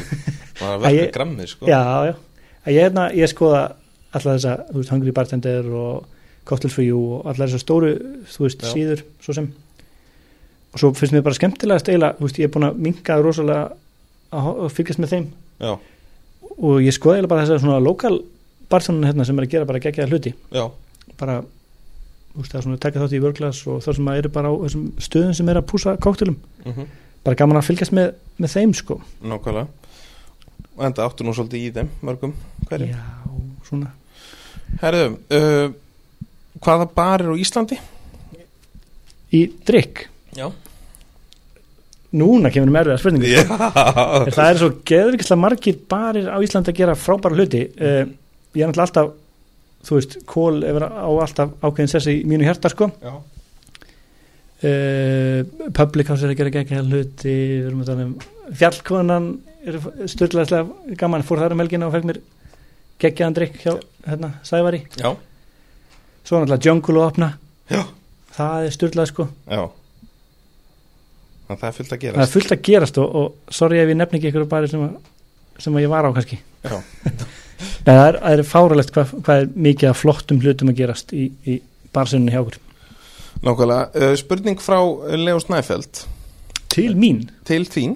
Hann var, þetta uh, vinna með eitthvað svoleiðis dót. já, finnst það ekki skemmtilegt? það er skemmtilegt sko, eða þú veist það verður skemmtilegt að ég fæ að spyrja næsta Já, nákvæmlega, þú getur farað að hugsa út í það Ok. uh, ég veit ekki hver að ég er samt, ok, hvað með það?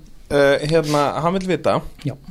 uh, Hvaða staður á Íslandi er kandidat á topp 50 listan yfir bestu bari í heimi?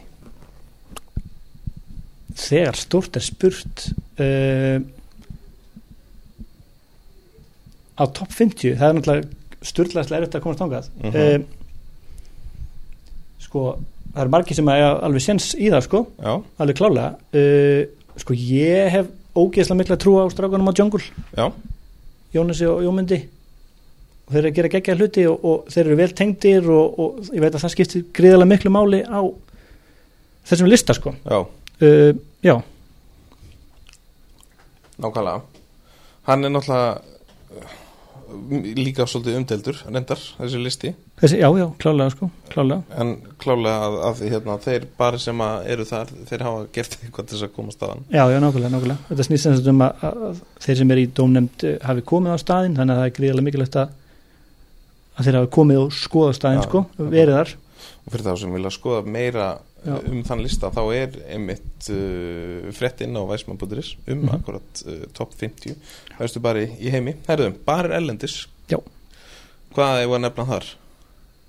uh, mínir uppáhalds bara elendis Já, sko, ekki mínir með, við erum ekki að tala um þig við Ég gleymi alltaf sko. Það er yfirlega þegar við hittum þá er ég að tala um þig ég veit það, Heyrðu, Bar Erlendis Ég er Má ég bara segja einn eða? Já. Eða má ég segja fleiri?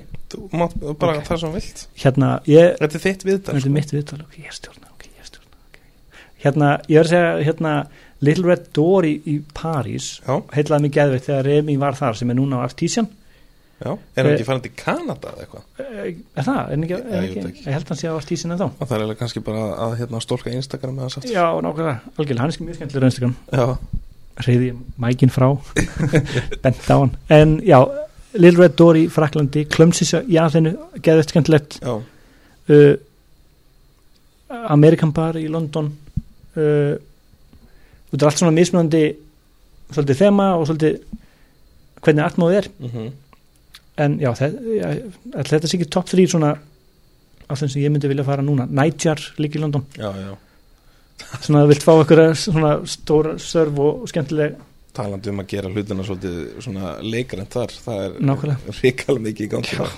algjörlega sko, svo, svo ég eftir að kíkja á artísían aftur eftir að, eftir að Remi tók við þar sko já, uh, ég var alveg til að fara á Bulletin Place í Sydney sko og það er gerist kannski á næsta ári já, nákvæmlega og já, fullt af, fullt af börum á tútulista en, en þetta er svona þrýr sem að ég myndi segja væri mínir topp núna ok uh, hvað hérna hvað finnst þér verið, hvað trend finnst þér verið í gangi núna?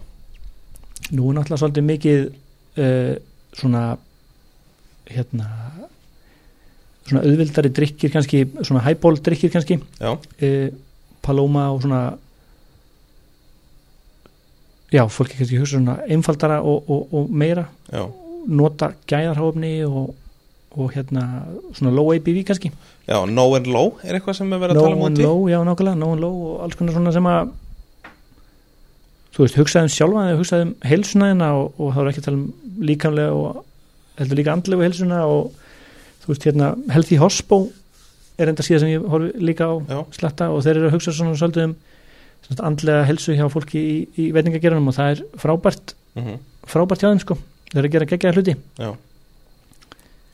það held ég sé svolítið trending núna að, að þú veist hugsa um þig sko mhm. Og ef við förum í bara beint í hvaða trendi er að fara í gang er það ekki bara einmitt það sem hún nefnir Jú, ég vona líka að það verði bara ennþá meira sko að, að hérna heima sérstaklega að Já. fólk, fólk hugsi um sig Nákvæmlega Mér er svona Þetta er náttúrulega gríðalega krefjandi starf að vera fulltime barþjóð í miklum látum og alls konar þú veist, það- alls konar uh, ég meina það er hægt að nefna hel- helling af, af svona einhverjum downsides svo maður sletta hans Mhm, við já. starfið auðvitað, ef maður vill það uh, en á móti kemur að ef maður hugsa vel um sig eins og talar um þú veist, og li, reyna að lifa bara svona sem í eðlilegu lífi við hliðina á þessu að þá náttúrulega endustu tölvöld lengur í þessu og Algjörlega, sko, miklu algjörlega, betur að meta þetta klálega sko og maður sé, sé marga bara virkilega hérna hæfileikaríka barþjóni, bæði hér heima og erlendis eh, svolítið brenna sig á, á því að hugsa ekki um sig sko og þetta er eitthvað sem maður hugsa kannski ekki um fyrir nokkrum árum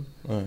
að hérna þá var bara gaman að að vera í þessu starfi og, og þá var bara gegja gott partí sko já, nákvæmlega, en, en uh, maður endist ekki lengi ef maður ætlar að vera bara í, í partí allan daginn sko Nei, nákvæmlega, það er alveg, alveg rétt en það eru margir, margir sem að er mikill missir af sko sem hafa hætt í í geranum bara út af út af þessu út af að hef ekki hugsað um sig Já, en sem betur fyrir finnst mér vera svolítið ábyrjandi að, að svona kannski ef við tölum um svona rjóman af, af þeim barþjónum sem hafa verið hvaða ábyrjandi, eða svona mest ábyrjandi í undanverðin ár uh, margi hverjir af þeim hafa eh, lent pínu á vegg og, og farið svona virkilega já, algjörlega og Hérna, lært af, lært af af mistökum sko og, og eru að gera góð hluti sko og bara ég, vona, ég held að séu bara flest allir sem eru er að gera eru með þetta hugafara allan að bakverða og vonandi er engin að, að hérna, byrgi eitthvað inni og, og hérna út af það má ekki Nei. stóri strákum með að gráta líka er það ekki? Já, algjörlega. Ég er alveg sammála því, ég meina, mér finnst líka bara rosalega gaman að sjá hvað hugsunarhátturinn er fann að færast meira út í það að, að hérna, að ég mitt, þú veist, m- menn geta alveg lent á vegg og, og þú veist, menn geta alveg farið í eitthvað burnout. og já, já, algjörlega gerist sko. bara í það er þessu bara eins óskup og- eðlilegt að- að að skýta upp á bak skilum mig og, og það hef ég gert oft maður Já. það er bara gaman e, og maður læri, ef maður læri að því þá er það allt í lægi sko. Já, e, en þú veist ekki gera kannski mistökin oft nei, kannski ekki, ekki ideal sko. nei, það er náttúrulega aðalatrið að læra aðeim, sko. já, algjörlega, maður læri mest þegar maður skýtur upp á bak Nákvæmlega. Þeir eru, m- hérna, með síður sem heitir Drekkum betur. já, Það er náttúrulega svolítið bara að uh, bera þennan bóðskap. jú, klálega, það er svona þú veist, það er svona síða sem er í, í mótun þetta er á Instagram hjá okkur Mm og við erum, það er svona að vera að hérna kynna fólki fyrir drikkjum og, og hérna þessum vörumerkjum sem við erum með og, og hérna þú veist, við erum svona að minna fólk á að drekka, drekka vel Eh, Að gæta drekka, hófs. gæta hófs og drekka vatn skilur mig og, og, og ekki, ekki keira þú ert að drekka og, og hérna, Ekki drekka til að gleyma. og drekki drekka til að gleyma drekka til að dansa eða eitthvað Já, nákvæmlega. hafðu gaman og Já. hérna já, og drekki í hófi og, og hérna drekka vel nákvæmlega. það er svona, það er svona bóðskapin sem að er að fara að koma í gang skilur mig Mm Þetta er alveg geggjað og verður gaman að fylgjast með því. Uh, finnst þér uh, fólk almennt vera að uh, farin að uh, leita að meiri gæðum? já klálega Hinn sko, almenni Það er- neytandi? það er bara algjörlega eitthvað sem að er og á við eiginlega yfir allt sko, vín, bjór, mat og, og hérna í öllu sko Já, og það er svona að hugsa um hvað það er að drekka og hvað það er að borða og hvað, hvað er í þessu og hvernig er þetta gert og það er svona það er miklu meiri pæling heldur en bara fyrir 5-6 árum síðan sem að var, það var ekki neitt sko nei, eða mjög lítið um það S- og það er frábær þróun að fólk sé að hugsa um það sem er að láta hún í sig og, og borða og drekka já, svona meiri metnaður og, og svoleiðis. algjörða, fólk hefur þú veist, bara áhuga á þessu Já Það er náttúrulega algjör snild að, að við séum komin á þann stað sko því að við erum ekki sérstaklega gömul drikkjufjóð ef við tökum kannski bara samanbörðið við frakka eða Nei, en nákvæmlega, Eitthvað sko, nákvæmlega við, við kannski byrjuðum svolítið á öðrum endanum í, í því sko. Já Herðu, uh, núna ætlum við í lokin Linur að fara í World Class keppnina uh, um hvað snýst hún uh, einhver dæmi sem að hafa verið til dæmis eins og Tim Phillips með Eggið, Jack Sotti með Lavitating Drink og svo var einhver með einhver Bluetooth hátalarinn í köðung sem spilaði hljóðbrot úr hafinu Kannastu við tvöða þessu? hver svo sem það var, ég veit, ég veit það ekki uh, Byrjum hérna aðeins úti hvena keppnum byrjar hvað, úti í fyrsta skipti Þetta er- hvað 2000 og 2009 er ekki, þetta er 11. skipti sem að kefni verið haldin já, já, já, næsta árið, eða þetta ár sem er að byrja núna basically hjá World Class er 11. árið sem hún verður úti Já. þetta er 5. árið sem hún er hérna heima mhm þannig að, þannig að það er gríðarlega mikil spenna og við erum búin að læra helling hérna heima af, af þessari keppni, vona ég mhm, allan að ég er búin að læra fullt, Já, og ég get alveg tekið undir það, ég hef lært sitt okkar líka kekja, gott og að mér hérna finnst líka bara barsenan öll í helsini hafa tekið rosalega framförum uh, mikið til uh, út að tilkomi vörklass Já. á Íslandi ég er sammála sko, það er ógeðslega gaman að sjá uh, margir barfann hafa tekið þátt nánast öll árin sko Mhm, og, og bara sjá munin á þeim og sjá munin á þeim sem er að taka þátt sjá munin á stöðunum og sjá munin á bara, þú veist maður sér alls konar litla hluti sem að sem að maður svona, já ég get alveg átt smá heiður að þessu sinna já, þetta er cool, þetta er gott, þeir eru að gera flotta hluti og, og bara all, allt þetta svona litla hluti sem að skipta ekki ekki miklu máli sem að sem að örglega stendur fyrir sko já. og náttúrulega gefur fólki bara tækifæri sem að hafa greipið það skilur algjörlega og sko gert eitthvað úr því sko Já, nákvæmlega og þeir, sem, að- þeir gesti sem hafa komið hingað hafa svona allan að reynda að halda sambandi við nokkra og Já. þú veist þannig að tengslanetti er að stekka hægt og rólega og fólk er, fólk er að tala um Ísland erlendis Já, Þú við erum þegar- voðalega heit við erum mjög heit í umræðinu sko eins og bara og halda, haldan var ekki með okkur svolítið, finnst mér já það halda margir með okkur og margir sem, að, sem eru stórir í kefni úti sko og e, tím Ísland er alltaf með alveg svona klapplið úti sko öll þessi ár sem við höfum farið út sem er geggja skemmtilegt sko og meiri sér bara að toppa í Já, já, klálega sko það er mjög skemmtilegt mjög, eða mjög skemmtilegt sko og, og hérna, það er alltaf skapast einhver umræð um Ísland og þú veist landslið hefur hjálpað okkur fullt og, Já, og já, hérna já. maður, ég held að maður hafi alltaf gert eitthvað vikingaklapnum að vera út eftir að þeir, þeir byrjaði að því sko Já. sem er bara geðveikt og hérna þú veist, og líka bara þessi keppni hérna heima hefur fengið umræðu úti bara þú veist eins og bara fyrsta ári þá var Villi gerði kokteil og hann reyktan með lambaspörð Mhm. eða lambaskýt sem náttúrulega bara aldrei gömul aðferð eldur komur að fyrir okkur sko en, Mhm. en þetta fréttist út og þetta var ekkert eitthvað tilkynnt minnstaðar held ég nema bara svo sem mítið þetta var svona, nei þetta var ekki einu sinni það var eitthvað lítið um það hann að fyrsta ári já, já. þannig að þetta var held ég bara eitthvað sem barst í spjall hérna milli mín og, og kent ég um að rétt Já, þetta spurðist bara út og spurði svo bara út stækkaði og stækkaði og ég held að sé ennþá og hverju einast ári er spurt um þennan barþjón já, hvort að hann hafi unnið og hvort að hann, hvar er hann í dag já, gerði hann þetta í alvörunni reykti hann með kúk var þetta sheep shit smoked cocktail og fólk er mjög mikið ennþá dag að spyrja út í þetta og fleiri hluti sem hafa gert hérna þú veist, ég heldum þetta fyrstu keppnirnar á, á hérna,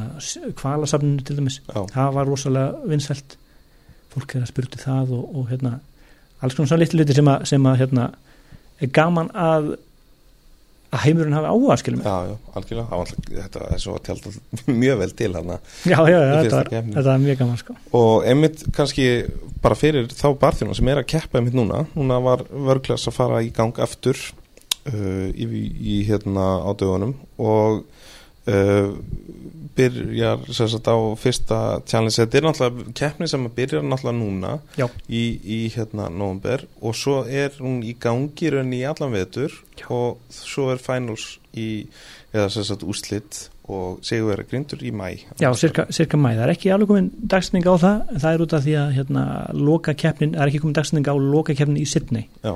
en ég hugsa að það eru allir að vera búinir í, í mæ, þannig sem að sagt öll lönd sem er að taka þátt. þannig að í raun og veru sá sem að vinnur uh, keppna hérna heima hann mun fara allaleg til uh, Suður Afriku, nei, Suður, hérna, nei bara til Ástralíu Til fyrirgefðu. ástæðu, já, eh, nákvæmlega. Eh, alveg hinn endan á heiminum Já. og keppið þar á móti hvað, 50 og Það verður vendarlega kringum hátt í 60 barþjónar já, sem verða þar sko. frá jafnmörgum löndum Þetta verður eitthvað ferðalag hann yfir sko. Já, nákvæmlega uh, Talandi um eh, þessar svona að nýta þessar eh, einhverja skemmtilega aðferði frá Íslandi þetta er alltaf eitthvað sem að keppendur sem eru núna að taka þátt þetta að, að kannski hafa bak veirað Klálega sko, þú veist, þú getur skapað, skapað umræðu og það er alltaf gott í svona stóri keppni Já. að að fólk þekkja á randildið, skilur mig. Já, hafi nákvæmlega séð eða heyrt að þér og heyrðu, keppandi frá Íslandi er að infjúsa með skórum skilur mig, Já. þú veist að að það sé skap, sköpuð umræða út inn í endur þetta keppni og, og hérna þú ert svolítið að, að koma þér að framfæri já, og þegar þú ert með jafn stert tól og Instagram er já, til dæmis að, að þá, þá áttu að geta ná sambandi við þú veist, dómara í gegnum þetta sko, skilur mig, nákvæmlega þannig að ef þú ert að keppa í svona international keppni þá Og- verður dómarinn vandilega að fylgjast með eitthvað staðar sko Já, nákvæmlega, og talandi um, þú veist, ef þú verður samt að að infjúsa uh, og, s- og senan þar að segja, þú veist, ekki bara dómarinn senan öll sko, en Já. fyrir Já, ef þú ættar að infjúsa með sko einhverju íslenskum skó tögi væri þá ekki skinnskór í raun og veru það var reyndar ókýrslega að fyndi að innfjörðum skinn sko og vona að dómarinn sé ekki vegan Já Ok, en hvað ef við förum í ávinning á, á þessu Já. hvað eru barþjónar að, að, að þeir eru svo margir svona einmitt sem eru kannski á þeim stað að þeir eru að ákveða bara ok, á ég að gera þetta, á ég að fara Já. vera barþjóðn eða þú veist uh, hver er svona ávinningu fyrir þessa aðalega myndir segja að taka þátt Já. sko, uh, við náttúrulega erum með hérna workclass.is á Instagram og, og ætlum að reyna að pússa öllum þegar sem flestum barþjónum allan í gegn þar á smá kynningu á bæði stöðunum og hérna drikkjónum og barþjónunum náttúrulega fyrst og fremst Já. uh, við ætlum þeir verða svo með drikkina í sölu á, á börunum hjá sér og eh, og eh, reynum að koma þeim í smá þú veist svona þekkingu og að fólk komi og smakki og fólk er byrjað að þekka þessa keppni hérna heima Já. þannig ég hugsa að þetta dræja að og, og þú veist við erum alltaf með fullt af túrisma ennþá þetta Mm -hmm. og þetta er náttúrulega international keppni og, og, og margir að, til dæmis bandrækjumenn þekkja þetta, þetta, þessa, Þetta vörum ekki þetta vörum ekki mjög vel sko mm -hmm. og að, að ef það kemur ykkur barþjóðn inn til þín og, á barinn og, og þú segir já ég er ekki tekið átt í vörglas og það bara þá vitaður hvað það þýðir skilum mig Þetta er Það alltaf er- gríðilega stórt til dæmis í bandaríkjum já nákvæmlega Það eru hvað, einhver tíu úst manns eða eitthvað sem að taka þátt Algjörlega, nákvæmlega, það er- já, Já. hátt- hátt í 10-12 mann sko Já, og hérna svo, svo náttúrulega erum við með fyrirlestra já, tvísvar eða, eða þrísvar vonandi mm uh, og, og hérna núna, fyrsta, fyrsta parturinn var svolítið lokal, við vorum með fyrirlestur hérna um, um Tangrei og Heart of Gold sem var um basically þema á, á fyrsta challenge sem keppurnir eru að fara í Já. og næstu tveir verða, verða frá erlendum gesti ok og hérna það er ekki komið alveg í ljós hver það er, hver það en verður, það verður einhver, einhver Legends legend úr bransanum og hérna svo skapar þetta bara ótrúlega bæði lokali mjög, mjög gott samfélag mm að vera í svona þéttum vinskap og, og við erum getum nýtt okkur það forréttind að vera svona lítið samfélag að við getum talað saman og við getum verið bara góði félagar og, og rætt þetta Nákvæmlega, hjálpast að og svo er þetta líka globally að fá samband við fólk í sama, sömu stöðu og þú annars þar í heiminum og ég tala nú ekki um að þú vinnur kefna að komast í snerti við 60 barðuna sem er að í nákvæmlega sömu stöðu og þú stressuð, mm vera að fara út og keppa og þú veist, kynnast og, og kynnist í svona intense aðstæðum að þá skapast oft bara vinnasambönd sem að, sem að erfitt er að breyka upp sko já Og einnig líka bara erfitt er að ávinna nema þú farir í gegnum eitthvað svona ferli skilur já,